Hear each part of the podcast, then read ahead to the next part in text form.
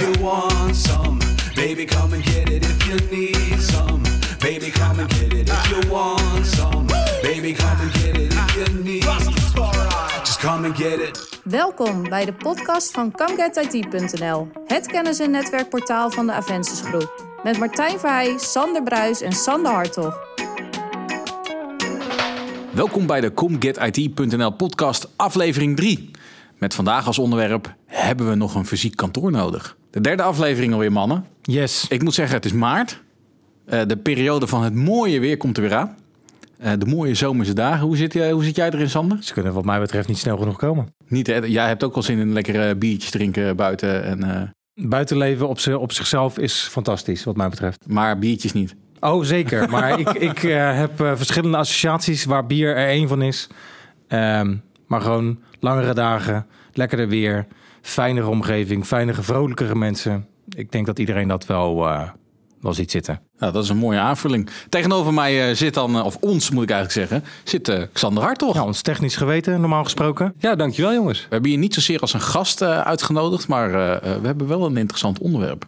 Ja. Is een fysiek kantoor eh, eh, nog echt wel noodzakelijk anno 2018 in onze branche? Of niet zozeer in onze branche, maar is het gewoon nodig?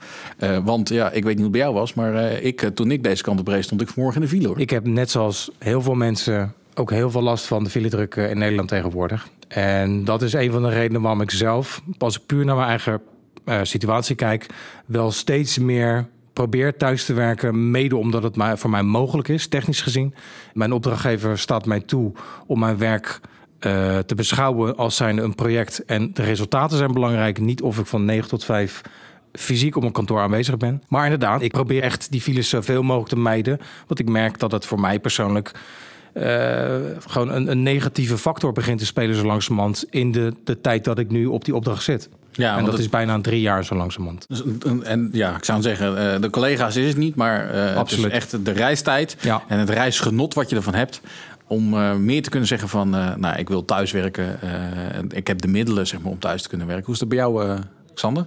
Ja, nou, ik heb eigenlijk ook een langdurige opdracht net achter de rug. ehm, waarbij het ook niet afhankelijk was dat ik echt tussen een bepaalde tijd aanwezig was. Ehm, het was ook afhankelijk inderdaad binnen mijn opdracht dat het doelgericht en resultaatgericht is. Dus je, aan het einde van de week moet je bepaalde doelen halen. En of je die nou op kantoor doet of thuis of onderweg. ehm, je kan ook wel eens in de auto zitten dat je ook een, een call doet. Ehm, dus niet uitmaken welke locatie je zit was binnen mijn opdracht gewoon heel natuurlijk. Ja, nou heb ik niet zozeer opdrachten, maar meer projecten. Waarbij ik wel eh, af en toe zeg maar, het kantoor van Aventus bezoek. Om toch onderling met collega's eh, te kunnen eh meeten, dan wel kunnen spreken. Ik moet ook naar kantoor voor natuurlijk de podcastopname. Terwijl we eigenlijk gezien, technisch gezien, dat eigenlijk ook bij wijze van spreken haast op afstand zouden kunnen doen. Ja. Hoeven we ook niet fysiek bij elkaar aan de tafel te zitten. Of vind ik het wel mega gezellig natuurlijk. Maar eh, ja, voor mij is dat eh, niet veel anders. Ik heb daar ook eh, de vrijheid in. Laat ik het zo stellen, technisch is er geen belemmering meer, Nee. lijkt me. Precies. Nee, dus ik denk, denk ook dat het meer afhankelijk is wat de klant van je verwacht. Of eh, eh, de opdracht of het project waar je op zit. Ehm, dat, dat daar de verwachting van is. Hè, moet jij op kantoor zijn? Moet jij in, in persoon mensen kunnen aanspreken? Of kan je inderdaad dat vanaf afstand doen? Eh, mensen die inderdaad eh, de hele dag eh, vanuit hun e-mail werken en daar de aansturing doen. Ja, die zullen niet zo snel een kantoor nodig hebben. Eh, Mensen die inderdaad toch fysiek met hun handen werken, detailhandel, de, de vrachtwagenchauffeur, Ja. ja, die kunnen niet zo makkelijk eh, gebruik maken van die techni- technische eh, functionaliteiten die er hetzelfde zijn binnen andere bedrijfsgroepen. ja, maar de opdracht waar je nu bijvoorbeeld zit... eh, ik kijk even naar jou, eh, Ja. Sander. Eh, zou dat ook zonder een kantoor kunnen? De opdracht waar ik op zit is een groot bedrijf in Nederland, een internationaal bedrijf. Die hebben inderdaad de faciliteiten gewoon puur eh, qua infrastructuur die dat faciliteren. Ik zie inderdaad ook eh, dat heel veel mensen daar gebruik van maken. En zover ik dat kan inschatten, wordt dat op een professionele en vo- volwassen manier ook opgepakt. Dus is er een wisselwerking tussen bedrijf of de opdrachtgever in mijn geval en de medewerkers, of dat nou in of intern of extern zijn, dat dat gewoon op goed, basis van goed vertrouwen gaat. En ik zie geen excessen. Kijk ik puur naar het bedrijf aan zich, dan denk ik niet dat zij zelf zonder ehm, fysieke kantoorruimte kunnen als gezicht naar de buitenwereld toe. Ik denk, als je echt eh, een zwart-wit scheiding zou willen maken, uh, gewoon puur ICT binnen dat bedrijf, ja. Ik denk dat dat voor nou, 90% op zijn minst, dat is iets wat giswerk aan mijn kant. Maar als ik het gewoon in, kan schatten, zover, zover, ik dat zie, dat dat inderdaad voor een heel groot deel echt thuis, uh, thuiswerk uh, tot aan helpdesk aan toe. Want je kan in principe hmm. kan je telefoons laten doorschakelen. Dat, die, die mogelijkheden zijn er al. En ik denk dat we inmiddels ook wel de conclusie met z'n drie getrokken hebben dat technisch gezien dat dat wel dat dat mogelijk is. Maar je hebt altijd te maken met een bepaald gezicht naar de buitenwereld toe. Een voorbeeld te noemen. Ik heb bij een ander bedrijf kortstondig gewerkt. Die hadden geen uh, kantoorruimte. Dat was een ICT-dienstverlener. En ik merkte in mijn omgeving dat het toch wat vreemd werd gevonden. Um, waarom? Je ziet ook mensen die het gewoon niet goed met je voor hebben. Een beetje de, de nou, ik denk aan wat piramidespel, ja. uh, dat soort figuren. Die maken er ook geen gebruik van, maar weten we bijvoorbeeld wel met mooie praatjes je, je binnen te slepen. Nou, nou dus dat even een compleet ander spectrum, nee, dus laat ik daar niet op focussen. Maar um, daarom werden zij wel ook iets wat wantrouwend aange, aangekeken. Resultaat is dat ze uiteindelijk wel ervoor gekozen hebben om, zij het een klein, maar een kantoorruimte nou ja, aan te schaffen of voor zichzelf in te richten. Om toch maar op een bepaalde manier een smoel te hebben naar de buitenwereld van kijk, dit zijn wij en zo representeren wij ons. En ik merk gewoon bij zeker non-IT'ers, maar gewoon bij klanten die hun diensten moeten afnemen, dat dat wel toch nog steeds belangrijk wordt gevonden. Ja, het fysieke contact elkaar in de ogen kunnen kijken. Ja. Nou, maar ook een bepaalde betrouwbaarheid. Jij hebt een kantoor, dus dan heb je iets gepresteerd. Ik zeg niet of dat klopt, of dat het per definitie waar is, maar ik merk dat. Het gaat niet zozeer meer om te tellen hoeveel poppetjes er daadwerkelijk aan het werk zijn. Het gaat er meer om van we zien zichtbare mensen die wat doen. Ja. En toch eh, zijn er bedrijven uh, in de wereld. Uh, ik ken er een aantal uit Amerika. WordPress is onder andere een grote. MySQL, uh, Buffer volgens mij. Zijn gewoon in dit geval een, een drietal bedrijven die ik ken. Die echt de overstap hebben gemaakt om naar, naar een vast kan, ja, tenminste naar flexibel werken te gaan. Die kiezen ervoor om één keer per jaar, dan wel niet twee keer per jaar, een week bij elkaar te komen om toch face-to-face met elkaar te kunnen spreken, met elkaar kennis te kunnen delen. Um, omdat ze toch wel zien dat dat een behoefte is. Dan ga ik er even vanuit dat die bedrijven dus inderdaad ook op basis van goed vertrouwen, we zijn allemaal volwassenen, we zijn professionals, dat dat inderdaad keurig afgekaart is. Um, dan is eigenlijk, vind ik, de meest interessante vraag: wanneer is dat omslagpunt gekomen? Want goed, dat hebben ze gedaan en dat, dat staat vast op dit moment. Ik ga er even vanuit mm. dat ze voorlopig daar niet meer op terugkomen. Is het dan omdat ze een ICT-bedrijf zijn? Zou het te maken met werkprocessen misschien? Ja, dat is een, een beetje een feedback-achtige uh, constructie waarbij ze uh, jij, jij creëert iets en jij deelt dat zeg maar met het, met het team van mensen. Uh, waarop jij dan kenbaar maakt van ik wil gewoon op een x-moment feedback hebben. In plaats van dat je naar iemands bureau te loopt en zegt van heb je mijn mailtje gehad?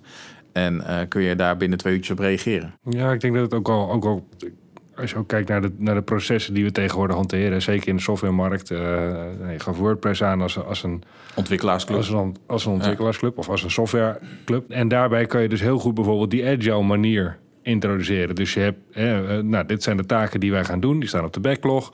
Daar hebben wij zoveel tijd voor gereserveerd. En na die tijd, of na de sprint, uh, ga je kijken van joh, wat hebben we wel, wat hebben we niet gered. Nou, op basis daarvan kan je nog per individu kijken van wie heeft wel en wie heeft niet opgeleverd. En dan ga je dus op een hele andere manier ga je dus je, je, je management toepassen. Hè? Dus je gaat op een hele andere manier ga je op het functioneren van je medewerkers kijken. Ja. ja. Is het net zoals eigenlijk het, eh, het uh, ik noem het even het flexwerken? Hoe moet ik dat nou even voor, een voorbeeld geven? We, hebben, uh, we komen uit een, een, markt met z'n allen waarin we echt iedereen had een vast bureau. Uh, er stond het fotootje van de dochter en uh, moeder en ga zo maar door. Stond, stond op het bureau. Iedereen had een vaste plek.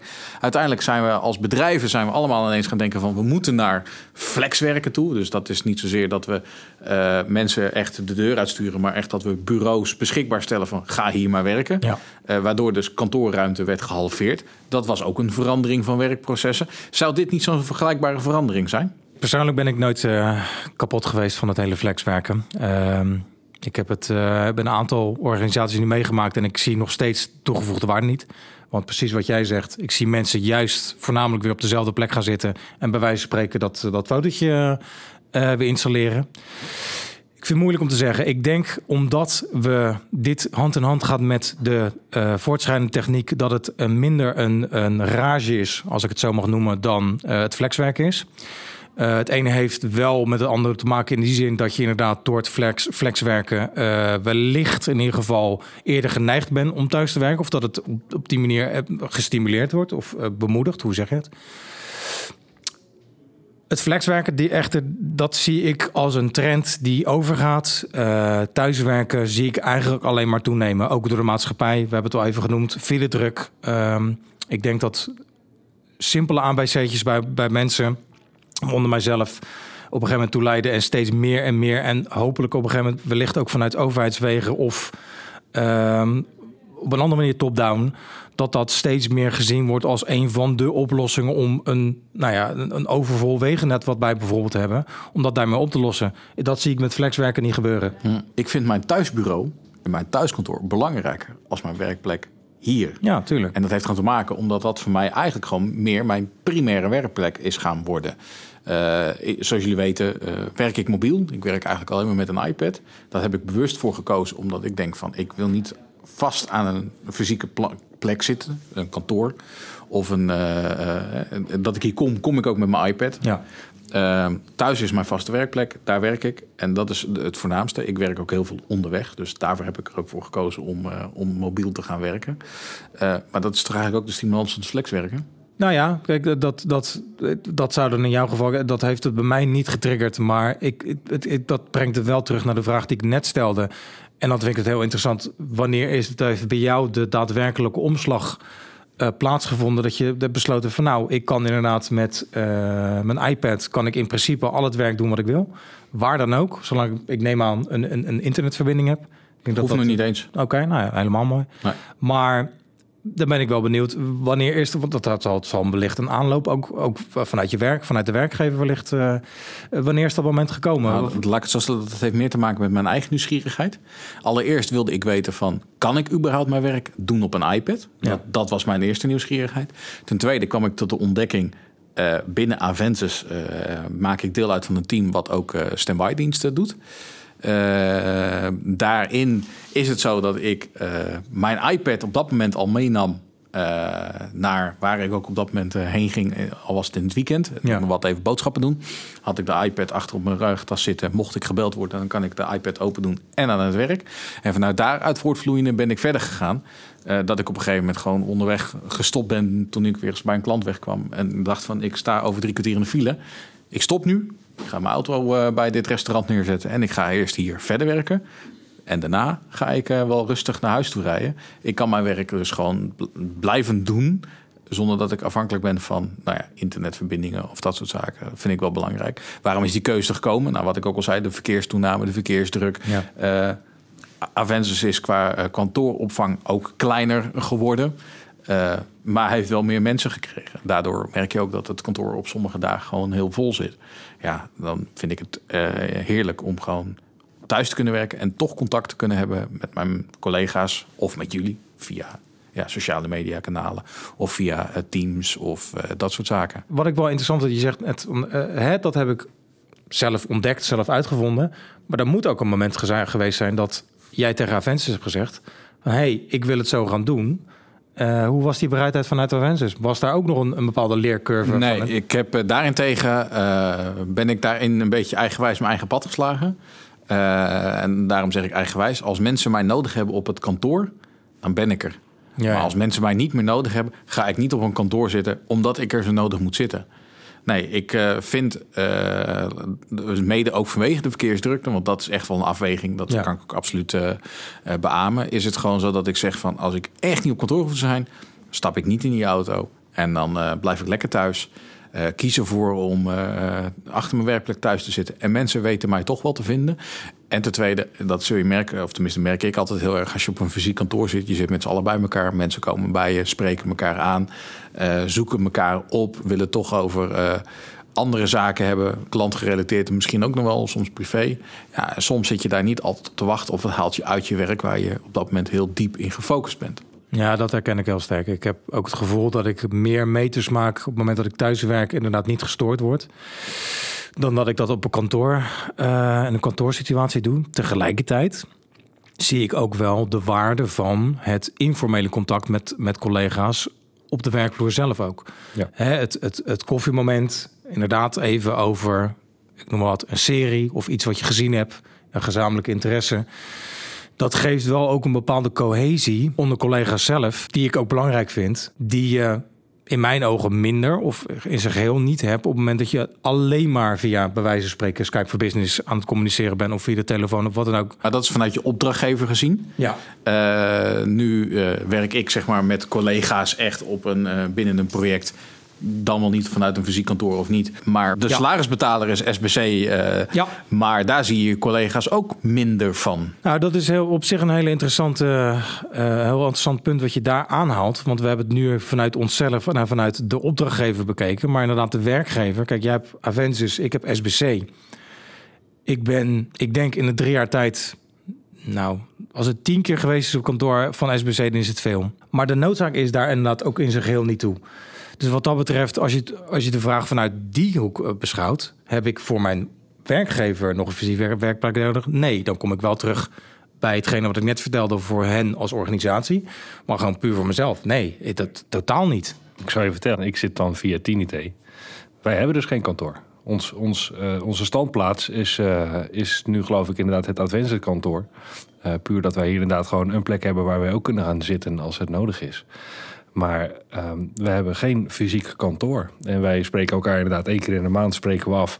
Van joh, eh, laten we even een lekkere drankje gaan doen en een paar bitterballetjes eh, ergens in Amsterdam of ergens eh, waar wij een beetje centraal in het land als wij op verschillende plekken zitten.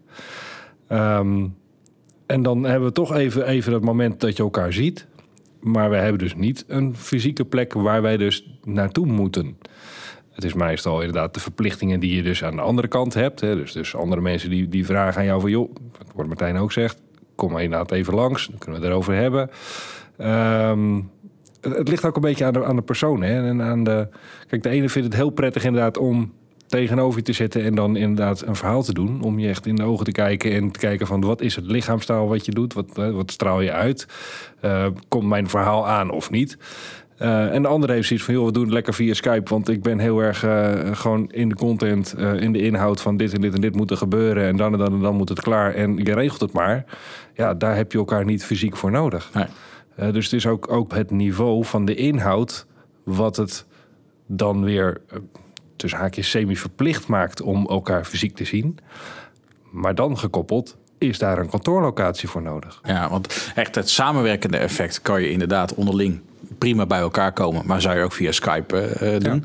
Eh, het kantoor, zeg maar, waar ik hem hier zakelijk voor gebruik, is gewoon afspraken, meetings. Ja. Terwijl ik dan ook vind, heel veel meetings doe ik het liefst ook op afstand. Dat heeft een andere reden. Wil ik nog wel even toelichten straks, hoor, daar gaat het niet om. Maar ehm heeft een andere reden. Maar daarvoor moet ik dan 9 van de 10 keer soms nog wel eens naar een fysiek kantoor... omdat mensen elkaar face-to-face willen zien. Hoeft voor mij niet altijd, maar dat is een persoonlijke keuze natuurlijk hierin. Ehm, de grootste, voornamelijkste reden waarom ik eh, eh, Skype for Business prefer voor eh, een meeting in plaats van een fysieke meeting. Als je om drie uur afspreekt, dan gaan de mensen niet vijf voor drie al even naar het toilet of even naar de koffieautomaat of een drankje klaarzetten. Nee, drie uur, oh, we hebben een meeting, dan gaan we naar de koffieautomaat, dan moet nog iemand naar het toilet en uiteindelijk is het tien over drie dat je eigenlijk zeg maar pas bij elkaar zit. Nou, als je een meeting hebt van een uur afgestemd hebt, zit degene alweer om vijf of vier op zijn klok te kijken. Sorry, ik moet weer aan het werk. Met Skype for Business, om drie uur zit iedereen strak in een meeting. Tenminste, is mijn ervaring. ik ben het wel eens met Martijn dat, dat de forcering inderdaad door Skype voor Business van oh, hè, dan beginnen we. Ehm, als je er namelijk niet bent, dan weet je dat je twee over drie of drie over drie krijg je dat WhatsAppje of dat telefoontje van dat "Brrr, waar, ben je? Want ik zit Ja, op je te absoluut, wachten. Absoluut. En, en als je inderdaad eerst verzamelt in een meetingroom... dat iedereen zegt, oh ja, ik moet nog even plassen. Oh ja, ik moet nog even, eh, mag ik even een kopje koffie doen? Weet je, je gaat ook niet nee zeggen. Ehm, Dat is dat informele. Inderdaad, dat is het informele inderdaad. Ja, Dus precies. door het ook bij elkaar zijn... brengt ook weer een heel ander... eh, eigenlijk een inefficiënt component met zich mee. ja. En door juist op afstand gewoon heel inhoudelijk te kijken... nou, hè, wat bespreken wij in een meeting? Wat zijn mijn taken? Eh, wat staat er op de backlog? Eh, wat, zegt, wat, wat, wat hebben we nog in, de, in het projectplan staan? Omdat je op afstand bent, ga je veel meer inderdaad in die inhoud focussen en ben je eigenlijk productiever. Ja. Dat gevoel, dat, dat die ervaring heb ik ook inderdaad. Absoluut. Maar ik vond het, dan mag je het wat mij betreft inderdaad wel toelichten. En met dan de begeleidende vraag. Zou je bijvoorbeeld een klantrelatie bij jou thuis ook op de zaakjes kantoor ontvangen? Of kies je dan er toch voor om uh, een, een, nou ja, een, een, werkgeverskantoor of eventueel het kantoor van je opdrachtgever, ja. omdat dat toch een andere uitstraling heeft. Als ik vanuit mezelf mag spreken, dan kijk, nu kies je voor het gemak en dan is het een werkgeverskantoor. Mm. Maar ja, je kan toch ook prima met een klant in een uh, hotelrestaurant uh, gaan zitten? Ik denk dat het wel afhangt van de relatie tot je klant en je intenties. Uh, zoals gezegd, het voorbeeld wat ik net aanhaalde. Ik denk dat je iemand helemaal niet kent en iemand moet overtuigen dat het dan sterker overkomt dat je inderdaad een kantoorpand achter je hebt staan, om het zo maar te zeggen. Maar dan kan ik me voorstellen, als je een klein bedrijfje wil beginnen, hè, je wil zelfstandig uh, gaan beginnen, dat je niet vermogend genoeg bent om een, een kantoorpand uh, überhaupt 100%. af te nemen. 100%. Wat zou je dan doen? Zou je dan die persoon toch thuis uitnodigen? Ja, een kijk- in je privéleven? Of zou je zeggen van... eh, Dan, ja, kijk, als je een kleine, dan denk ik gelijk verder. Want als je een kleine eh, bedrijf bent en je gaat het starten, dan mag ik hopen dat je al een bepaalde klantenkring hebt opgebouwd uit een eerdere. Want er volledig blind ingaan lijkt me een heel slecht idee. Dus dan denk ik dat puur vanuit die gedachte dat het inderdaad helemaal niet zo gek is. Dat je, dat je mensen inderdaad in een, een huiselijke sfeer uitnodigt. met ook de dynamiek die daarbij hoort. Ik kan me wel voorstellen dat, ik noem maar de Shells van deze wereld, de, de echte grote spelers van deze wereld, dat die nou voor een hele formele vergadering of een ontvangst echt een kantoorpand daarvoor kiezen. En bij wijze van spreken de boardroom om echt de meeste indruk te maken. Ten opzichte, of, eh, t- eh, in tegenstelling tot eh, iemand thuis uitnodigen. Ik denk dat dat, ondanks dat dat absoluut zou kunnen. Bedoel, je zou gewoon puur Als je kijkt naar de inhoud van het gesprek, het doel, eh, wat men uiteindelijk wil bereiken, dat het allemaal zou kunnen, maar dat het toch, en dat is misschien puur een gevoel, maar op dit moment wel gewoon gekozen wordt, door de goede gemeente in ieder geval, voor een kantoorpand wat dat betreft. haak er wel even op aan. Want ik denk dat ook je omgeving, waar je afspreekt, wel invloed heeft Ja. op, op de uitkomst van je gesprek. Ja, Ja, eh, ik, nou, als je zegt een, een CEO van Shell, eh, als die inderdaad een medewerker of iemand bij hem thuis uitnodigt, ja, dan, dan die, die ambiance is heel anders. Ehm, ook inderdaad, ook als ZZP'er ehm, is het ook maar de vraag, wat, wat is het werk wat je uitvoert? Dus, dus je start een Mm. eigen bedrijfje. Waarin ga je dat starten? Wat ga jij doen? Is het noodzakelijk inderdaad om mensen bij jou thuis uit te nodigen? En daarbij kun je alle branches en alle sectoren weer afgaan. Ik bedoel, een tandarts die zal niet zo heel snel met zijn koffertje bij jou thuis aan gaan komen. Die zal zeggen, nee, ik heb een praktijkruimte in mijn huis waar ik patiënten ontvang. maar een huisarts? Een huisarts, die vind ik nog steeds dat daar wel een, een kantoor bij hoort. Een huisarts moet, moet eigenlijk heel veel afspraken achter elkaar verwerken, zoveel mogelijk. En de tijd daartussen is eigenlijk alleen maar eh, eh, tijd en geld wat hij verliest. Dus ja, dat zou je inderdaad via Skype kunnen oplossen. Maar het eigenlijke doel van een huisarts is dat de patiënt ook een stukje persoonlijke aandacht krijgt. ja. En dat vormt dat een, een patiënt die wil gewoon aandacht. En die wil niet achter een computerscherm zeggen van... nou, ik heb hier en hier, hier last van. Maar die patiënt die wil gewoon inderdaad in de ogen kijken van die huisarts... en, en zijn verhaal kunnen vertellen. Want vaak zit er achter lichamelijke klachten... zitten ook vaak psychologische klachten... wat je niet zo snel inderdaad met andere mensen bespreekt. Maar dan wel weer bij een huisarts in een één-op-één situatie... veel makkelijker kan toelichten. ja.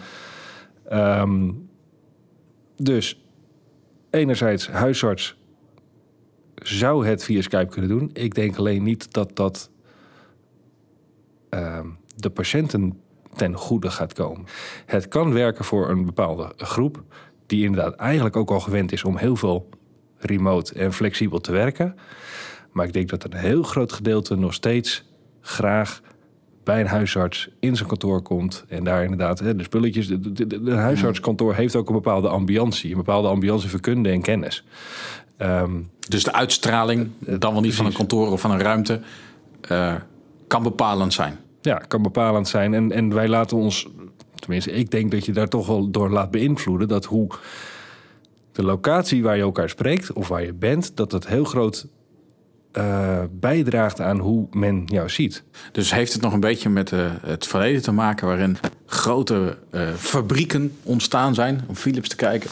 Kijk, we hebben een hele grote fabriek. Dus wij doen heel veel nou ja, lampen, eh, dat soort zaken. En tegenwoordig zitten we meer in kantoren. Dus hoe groter het kantoor, dan betekent Ja. dat wij een grote bedrijf zijn. Dat is mijn uitstraling. Of we zitten in een klein kantoor, maar we doen heel veel. Nou, je hebt zeker natuurlijk te maken met een, met een geschiedenis eh, en met een, een generatie, laten we zeggen de babyboomers, die inderdaad op een andere manier gewerkt, gewend is gewerkt te werken en ook behandeld te worden. Maar ik vind het wel een interessant punt wat je aan had, Sander. Want dat is inderdaad, je ziet natuurlijk wel steeds meer beroepen, niet ICT-gericht eh, specifiek, die wel steeds meer van ICT-technieken gebruik maken. Inderdaad, een huisarts die consult afneemt via Skype. Maar kijk ook naar hypotheek. Eh, de, de- Ja, er zijn banken zeggen, die, die adverteren met, met persoonlijke gesprekken, dat mensen niet meer naar dat kantoor hoeven te komen zelfs. In dat opzicht valt dat kantoor dan helemaal weg. Ik denk wel dat die persoon die eh, het, eh, de, de, de bankmedewerker op dat moment op kantoor op de, bij de bank zit, dat weet ik niet. Ik heb daar dat letterlijk zelf nooit Nee, meegemaakt. maar dat, maar het zou maar het zou kunnen dat theoretisch kunnen, inderdaad, Precies. dat die medewerker inderdaad met het kantoorlogo achter zich in, in van. de zolderkamer ja, zit. Bij wijze van, kijk, en de, de, de- dus hè, hoe ze dat precies doen, weet ik niet. Maar je ziet duidelijk wel een verschuiving naar, laten we het even zeggen, onze generatie en de generaties na ons. Want wij zijn opgegroeid met techniek. De, de, de generaties na ons zijn niet anders gewend dan te werken met techniek.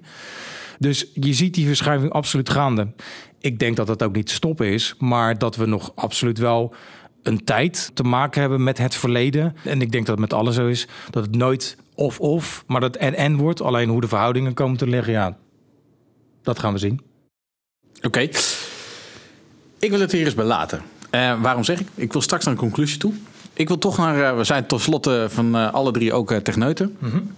Ehm, waar ik eigenlijk naartoe wil is... stel nu ik ben een organisatie en ik overweeg toch om nou, naar, eh, naar ge- de kantoorruimte op te heffen... en naar volledig eh, een digitale vorm van werken te gaan. Eh, wat zou zo'n klant moeten doen of zo'n bedrijf of instelling? Los van dat hij natuurlijk zijn pand wegdoet en bureaus verkoopt en al die fratsen meer. Maar technisch. zou eerst sowieso eens kijken wat, wat is het wat die klant doet. Hè, welke, welke diensten, welke producten leveren ze? Eh, welke, welke afdelingen of welke functies hebben zij daarvoor om, om eh, hun product of dienst te kunnen leveren? En ik denk dat je afhankelijk daarvan eerst eens moet gaan kijken van joh, eh, welke zijn noodzakelijk inderdaad om face-to-face nog steeds contact te hebben. Inderdaad, je locatie daarbij gaat zoeken. Eh, en ik denk dat de techniek, zeg maar, als een van de laatste stappen pas aan, aan die rits komt. Ik denk dat je eerst gewoon heel goed moet kijken van, joh, wat, wat gaat zo'n bedrijf doen? Wat, eh, wat zijn zijn processen? Wat zijn ze, wat zijn ze, zijn doelstellingen? Ehm, en, en vanaf daaruit gaat kijken van hoe gaat de techniek daarbij passen. En niet omdat we dus de technische mogelijkheden hebben om zoveel mogelijk op afstand te werken, dat dat de reden is om je kantoor maar op te heffen of bepaalde delen van je kantoor. Daar heb je op zich wel gelijk in. Maar het is natuurlijk ook ons werk om die inschatting te maken en nog goed voorstel te doen. eh, in zoverre dat dat past. Ja. Maar ik moet wel gelijk denken dat je een bepaalde cloud-propositie dan wel makkelijk kan doen. Ik bedoel, ik denk gelijk aan Office 365. Niet om dat specifiek te plukken. Maar een, eh, een- clouddienst waar mensen inderdaad hun bestanden kunnen opslaan. Waarbij ze kunnen zeker van zijn. Ja. Hè, inderdaad. Eh, nou ja, mail is vaak on, on- onontbeerlijk. Dus ik denk dat je al snel wel die kant op gaat. En of het dan een Microsoft of een AWS of een ander product is... wat dat betreft, wie die dat soort diensten bieden... dat is mij om het even wat dat betreft. En het hangt ook heel erg van de klant af. Maar ik denk dat je al snel wel die kant op gaat. Ja. Ik denk inderdaad dat fysieke producten, eh, dat het hooguit nog dat je dan te maken hebt met gewoon eh, hè, je, je tablet, je laptop, je- desktop. Je middleware. Ja. Want op zich maakt het niet uit. Je noemt dan een cloud, maar het kan ook nog steeds on-premise. Alleen dan neem je Absoluut. het af in een, een datacenter. Ja, of dan plaats je absoluut. infrastructuur in een Absoluut, datacenter. absoluut. Eh, waar wij eh, de klant natuurlijk zelf in kwestie prima mee kunnen helpen. Daar zijn we met z'n drieën goed genoeg in. Ja. Eh, zien wij nog technische beperkingen als we nu kijken naar de producten die in de markt worden gebracht? Ik zie namelijk, er zijn een hoop producten toch in de markt verkrijgbaar die helpen bij mobiel werken, dan wel niet. Ja, eigenlijk geen kantoor meer hebbende bedrijven, laat ik het zo even omschrijven. Ja. Ja, ik denk dat daar dan nog wel een stukje in zit of je nou wel of niet in Nederland zit. Want Dat moeten ik wel heel even. Ja. En we, denken dat de rest van de wereld ook zo ver is als waar wij zijn, maar dat valt heel erg tegen. Ja. Het, ik, Nederland loopt echt voorop in, en, eh, in de IT-infrastructuur of in IT-mogelijkheden. Eh, Gemiddelde internetsnelheid. gemiddelde internetsnelheid. eh, ehm, kijk inderdaad al, al hier in de Europese Unie. Er zijn gewoon nog steeds landen en plekken in Europa waar, waar gewoon nog geen goede eh, breedbandverbindingen zijn. Kijk, bij jouw internationale organisatie, ja, dan heb je toch ook al je, je andere, eh, andere landen waar je rekening mee moet houden of het daar ook mogelijk is. Dus het is niet alleen maar heel erg beperkt van, joh, wil ik dit, maar kunnen we dit? Ja, ja, wat voor soort bedrijf ben je inderdaad? Kijk, als ik in mijn directe omgeving kijk, dan ehm, weet ik in mijn directe omgeving van een klein bedrijf, van een aantal mensen, dat is gewoon een Nederlands bedrijf. Dat zal ook waarschijnlijk een Nederlands bedrijf eh, blijven met voornamelijk activiteit in Nederland.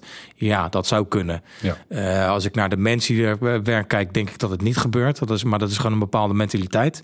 Maar gewoon puur op de keper beschouwd, zeiden ze alles. Zou ze het eh, kantoor op kunnen doeken, eh, thuis kunnen gaan werken. Inderdaad, de juiste nou ja, clouddiensten, inderdaad, de juiste middelen. Wat voor de middelen het dan ook zijn.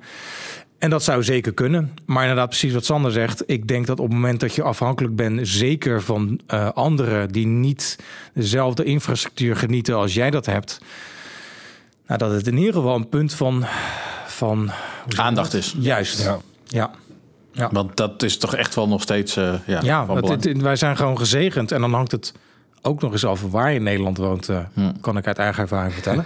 maar het is, ja, het- kijk, wij, wij hebben gewoon gelukkig een goede infrastructuur. Maar ga je inderdaad, nou ja, inderdaad al naar een wat verder oostelijk Europa in, dan betwijfel ik of die, dat, dat gehaald wordt. Ja. Nou wil niet zeggen dat je dus een bedrijf hebt gelijk dat ermee te maken heeft. Maar ja, Nu is Microsoft's strategie cloud only. Eh, hoe denken wij daarover? Want ja, in principe sluit dit natuurlijk wel aan. Hè? is het eh, de algehele Microsoft-strategie? Ja, dat is toch wel meer cloud Ja, only. het was, was het niet cloud first, mobile first? ja, zoiets. Zoiets? eh, ja, ja. Nou, Oké. Nou, Nou ja, ik niet kijk, bij de Microsoft sessies allemaal geweest. Maar, als je in mijn hart kijkt, gewoon als techneut, zeg ik ja. ja. Eh, Dat is de toekomst. Ehm, ik, eh, ik denk dat we. Ik zie het ook echt als de, de samenkomst van een aantal takken van sport. eh, waar we waarschijnlijk allemaal te- de- bekend mee zijn. Wat betreft eh, storage, virtualisatie, networking, eh, infrastructuur op, zich, eh, op zichzelf. Ehm, waarbij je ook als techneut, als je een bepaald, eh, bepaald pad hebt afgelegd, vind ik het ook een hele mooie samenkomst om, dat, om daarmee verder te gaan. Maar dat is gewoon puur voor mij hè, als techneut en hoe je hart kijkt. De realiteit is echter dat ik weet dat er bedrijven zijn die het woord cloud letterlijk een vies woord vinden. Die bang zijn voor dataverlies. Noem, noem alle redenen maar op die aangevoerd. Security, dat soort zaken. Ja. Precies. En dat zijn geen kleine bedrijven, of in ieder geval dat bedrijven waar gewoon genoeg omzet of winst wordt gemaakt, waar gewoon goed geld wordt verdiend. Ehm, op het moment dat dat soort bedrijven ehm, echt rigide zijn nog in hun overtuiging, kan je als Microsoft of wie dan ook roepen wat je wil, maar je bent afhankelijk van wat uiteindelijk de markt voor jou bepaalt. Je kan het aanbieden, maar of dat uiteindelijk opgepakt wordt. Kijk, eh, als Microsoft alle producten die zij in het verleden hadden gepitcht succesvol waren geworden, hadden we denk ik een heel ander landschap, IT-landschap gehad. Ja, maar dat toch, is niet zo. Eens, maar toch zie je wel een kleine forcering. Want laten we wel Tuurlijk. zijn, als je kijkt naar de prijzen van licenties... denk ik dat we de gemiddelde luisteraar eh, niet hoeven te vervelen... met eh, eh, wat het vers- voor verschil maakt als je cloud-only kiest... of dat je on-premise nog steeds aanschaft. Ja, absoluut. absoluut. Nee, maar dat is, dat is uiteindelijk ook... Daar, daar, zit, daar zit wel een klein dingetje mee dat je, dat je de producten van Microsoft die zijn heel erg gesegmenteerd in licenties. Ja. Dus je wil een blokje dit, en je wil een blokje dat, en een blokje zus. Als je nu kijkt naar hoe ze dat positioneren, hè, dus Windows 10, Office 365, Office Pro Plus. ehm, dat zijn alweer drie producten die ze ook nu weer als een, een, een, in een bepaalde abonnementsvorm hebben gegoten. Maar die staffel die gaat wel steeds hoger. En dat gaat ook per gebruiker per maand. Dus het maakt het overzichtelijker dat, dat je weet wat kost het mij per maand. Dat had je niet inderdaad met de traditionele on-premises infrastructuur. Daar had je vaak één investering vooraf. Maar daar deed je wel drie à vier jaar mee. Ja. En als je wat geluk hebt, dan kon je er wat langer mee doen. Maar goed, dan gaat toch je partner wel iets meer drukken van... nou, wordt het niet eens tijd om wat te vernieuwen? Al die blokjes bij elkaar van Microsoft maken het alsnog een kostbaar verhaal. Ja. En dat moet je wel goed inzichtelijk hebben. En je moet ook kunnen committeren aan die visie die Microsoft bijvoorbeeld heeft. Want je hebt steeds minder regie over hoe jij je IT-infrastructuur wil inrichten. Op het moment dat je inderdaad met Office 365 eh, eh, gaat werken, dan zit Windows 10 daar heel erg sterk aan. Dus je werkplekken moeten eigenlijk naar Windows 10. Dat is ook weer een migratieslag. Ja. Ehm, heeft dat inderdaad ook weer effect voor allerlei applicaties die inderdaad op je werkstations draaien? Moeten, zijn die wel Windows 10 geschikt? Dus daar heb je weer een kostenpost. Ehm, ga je inderdaad kijken naar Office 65. Nou, welk abonnement nemen we daar? Wat, wat hebben we aan data nodig? Wat hebben we aan mailboxgroottes nodig? Uh, welke producten hebben we nodig? Dus daar heb je ook weer een stafel in. Dan ga je dus inderdaad kijken, ja, we willen ook een stukje beveiliging. Want als we dus mobiel gaan werken, dan hebben we al die devices die in de rond lopen. Dat moeten we wel beveiligen. Dus daar zit weer een licentie bovenop voor bijvoorbeeld een Intune hè, eh, of, of een andere uh, mobile device management oplossing. Dan ga je kijken, we willen ook nog met Word, Excel, PowerPoint in Outlook gaan werken. Vaak zit hij al in de subscription van over die 65, maar je kan hem ook weer losnemen. Of je kan inderdaad weer kiezen voor het oude model. Ik heb nog steeds een dvd'tje. Alleen ook daarbij gaat Microsoft binnen nu een paar jaar steeds meer die forcering drukken. Dat je dus je clouddiensten alleen kan afnemen met hun Cloud uh, of het Pro Plus versie. Dus dat jouw DVD-versie over een paar jaar gewoon een stuk minder functionaliteiten krijgt. Dus je wordt al steeds meer naar die productencatalogus van Microsoft gepusht. En al die blokjes bij elkaar kunnen nog steeds kostbaar zijn. Ja. Maar logisch is natuurlijk dat ze die de kant op, op duwen natuurlijk. Dat, dat zou ik zelf ook doen natuurlijk. Dat is nu, ja, dat is nu even vanuit de Microsoft uh, bekeken. Er zijn uh, ook natuurlijk meerdere ja. uh, providers. Hè. We kijken, wij zijn natuurlijk een Microsoft ja. mensen. Maar we hebben ook natuurlijk nog een Google die een, een werkplek bewijs. Niet zozeer de werkplek aanbiedt, maar wel de faciliteiten aanbiedt. Absoluut. Ja. Nou ja, kijk, uiteindelijk denk ik dat het valt of staat simpelweg met de bereidwilligheid. En die kan op een, nou ja, op een, een legio van factoren. Uh, kijk, als je puur op de techniek, ja, het kan. Niet iedereen is daar, het denkt alleen op die manier. Uh, er zijn een heleboel andere factoren die, waar rekening mee gehouden wordt. Ik denk wel dat op de lange termijn je heus wel een, een, een, een, een, hoe zeg je dat? een omslag gaat zien. Dat het, het overgrote deel steeds meer naar de cloud verplaatst gaat worden.